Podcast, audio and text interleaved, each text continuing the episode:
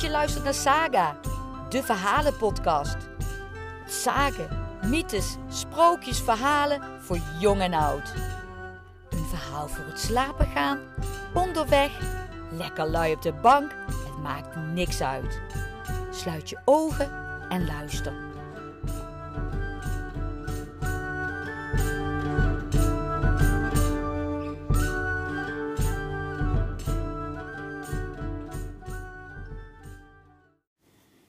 De put van Uithuizermeden. Een sage over een gestorven jongetje wiens naam nog voortklinkt uit een put. Ik heb gezocht naar die eh, put in Uithuizermeden of ik er überhaupt iets over kon vinden, maar dat is me niet gelukt. Doet er ook niet toe. Deze sage beschrijft dat er geen sterkere liefde is dan die van ouders voor hun kinderen. En als de lente in de lucht hangt, zoals nu zo'n beetje, en jongens en meisjes elkaar ontmoeten, dan hebben ze de mond vol van de liefde. Maar dat is niet meer dan een holle echo van een woord in vergelijking met de liefde van een moeder voor haar kind.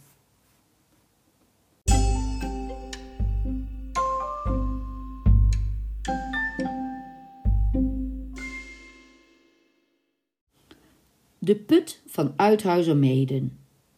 Een klein kind in Uithuizermede was al lange tijd ziek. Zijn moeder had ruwe handen van het werken, maar ze kon haar zieke jongen zo teder strelen dat hij dacht: Moeder heeft een vel van zijde of van satijn, zoals de feeën uit mijn prentenboek. Hij droomde vaak dat zijn moeder een fee was, terwijl ze voor iedereen die haar kende maar een gewone boerenvrouw was. Maar een moeder, een moeder, heeft voor haar kinderen een unieke glans en als we haar portret zouden schilderen, zou het niet lijken op de werkelijkheid. Want ze heeft voor ons een tedere blik in haar ogen, die haar gezicht verandert zonder dat zij dit weet.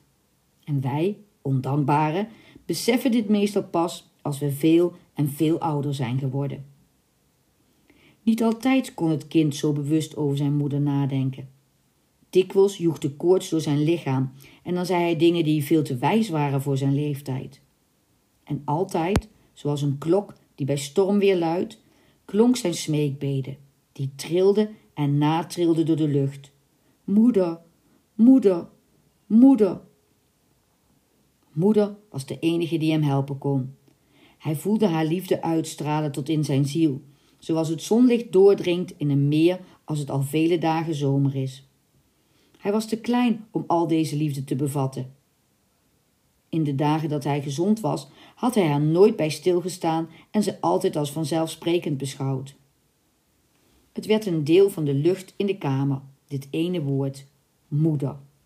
Het galmde naar buiten als de deur werd geopend en het klonk over het veld.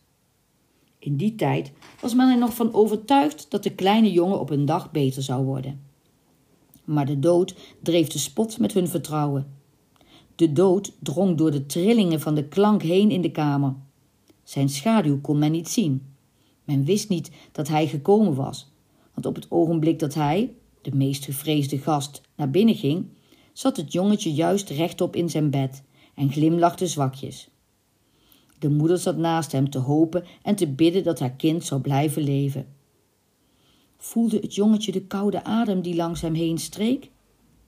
Het rilde liet zich in de kussens terugvallen en vroeg met krachteloze stem: Mijn hoofd doet pijn. Ik heb dorst. Moeder, moeder, moeder, geef me water. Van dat ogenblik af veranderde er iets in het huis. De atmosfeer verkilde, zoals op de dag dat de zomer voorbij is en de herfst nog niet is gekomen. De herinnering aan een voorbije tijd, aan een voorgoed verloren geluk, is dan in het hart en men voelt zich verdrietig, zonder precies te weten hoe en waarom. Hoe wonderlijk is het hart van een moeder. Van het ogenblik af dat het zieke jongetje in de kussens terug was gezonken, wist zijn moeder dat hij moest sterven.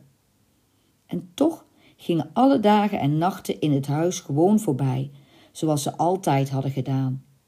Het kind lag roerloos in zijn bed. Maar het had zo vaak onbeweeglijk stilgelegen.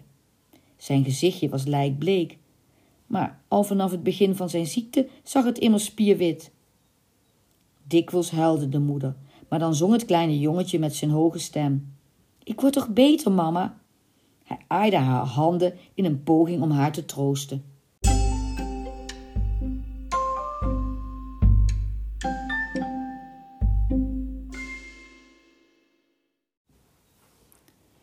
De tijd gleed voorbij, uur aan uur, tot de seconde dat de wereld stilstond en het jongetje dood moest gaan. Wie kon er in dit huis huilen? Het diepe verdriet kent geen klank, het is zonder stem. De dood slaat een mens met stomme, stille pijn. Het kind bewoog zich niet toen het ging sterven. Het lag met wijd open ogen te turen naar het plafond, alsof het daar de blauwe hemel zag waarin de engelen van het licht vliegen. Hij hoorde al niet meer bij de levenden. Zijn hartje had al voor het daadwerkelijk einde voor het laatst geklopt. Hij keek zijn moeder met een laatste tedere blik aan en daarna zonk zijn kleine geest voorgoed in de vergetelheid weg. De moeder stond voor zijn bed en keek naar hem. Tikte de klok? Sloeg buiten de emmer van buurvrouw tegen de stenen van de put? Was daar een boer op het land die zijn zeist aan het slijpen was? Staal dat over staal schuurde? Ze hoorde het niet. Het jongetje zuchtte en het was zijn laatste ademtocht. Langzaam doofde zijn levenslichtje uit. Zijn zieltje steeg op. De moeder hield de handen voor haar gezicht en dacht als een waanzinnige na. Alle vezels in haar lichaam verzetten zich tegen hetgeen gebeurde. Het was alsof een deel van haar eigen lichaam en geest stierven. Een stem, allerlei stemmen praten op haar in. Het leek of haar brein gesloten was en of niets of niemand haar nog bereiken kon. Ze ging op de grond liggen. Toen men haar optilde, was ze zo zwaar als een lijk. Ze kwam niet tot bewustzijn toen men haar kindje ging begraven. Ze had niet gehoord hoe men het deksel op het kistje spijkerde. Ze zag de dragers niet die het lijkje meenamen. Het bedje van de jongen was onbeslapen. Het drong niet tot haar door. Maar wel voelde ze een ondraaglijke pijn en ze begreep: ik moet iets hebben verloren. Dagen achter elkaar probeerde ze zich te herinneren wat het kon zijn dat ze kwijt was. Ze spande zich tot het uiterste in om haar gedachten één voor één op een rijtje te krijgen. Langzaam drong de waarheid tot haar door, als zoals een heldere bel gas in donker water opstijgt. Maar deze bel spatte niet uit elkaar toen hij aan het oppervlakte kwam. Ze werd bang voor zichzelf toen ze zich bewust werd van haar eigen jammeren. Want nog altijd leefde ze buiten zichzelf, zij, de arme vrouw, de moeder die voor altijd met haar verlies zou moeten leven. Waar ben ik? vroeg ze en ze huilde. Nooit zou ze voorjaar en zijn vogelgezang meer zo zorgeloos en onbevangen beleven als de kinderen en de gelukkigen op de wereld. Ze huilde met een hoge stem als van een vreemde, en ze hoorde zichzelf voortdurend huilen in een grenzeloze angst. Toen begon ze langzamerhand alles weer te herinneren en weer te kennen, omdat elk voorwerp in de omgeving haar herinnerde aan haar jongen. Die stoel, die kende ze, omdat hij erop had gezeten. Die klok hoorde ze tikken en ze herinnerde zich het geluid, want hij had er, toen hij nog heel klein was, eens heel verwonderd naar gekeken, toen hij het voor het eerst hoorde. hoorde. Ook tegen het bed waarin haar zoontje gelegen had, knikte zij. Ze glimlachte tegen haar man bij zijn thuiskomst. Hij had immers op zijn knieën paardje gespeeld en in zijn baard gewoeld. Eindelijk gingen ze voor het eerst weer naar buiten, na even op de drempel te hebben geaarzeld. Ze glimlachte tegen de buurvrouw. Die had immers ooit een zakje zoetigheid voor haar kindje gekocht.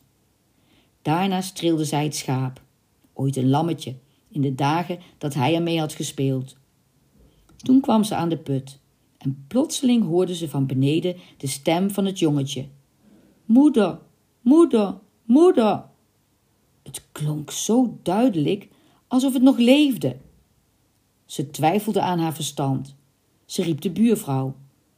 Hoor jij ook mijn kindje roepen, mijn kleine jongen? Buurvrouw deinsde verschrikt terug, want ook zij hoorde duidelijk: Moeder, moeder, moeder. Niemand hoefde er nog aan te twijfelen. De moeder kende geen angst. Welke moeder is bang als zij de stem van haar kind hoort? Dood of levend, het hoort bij zijn moeder thuis. En alle dagen, tot op de dag van vandaag, klinkt de stem van het dode jongetje uit de put. Moeder, moeder, moeder.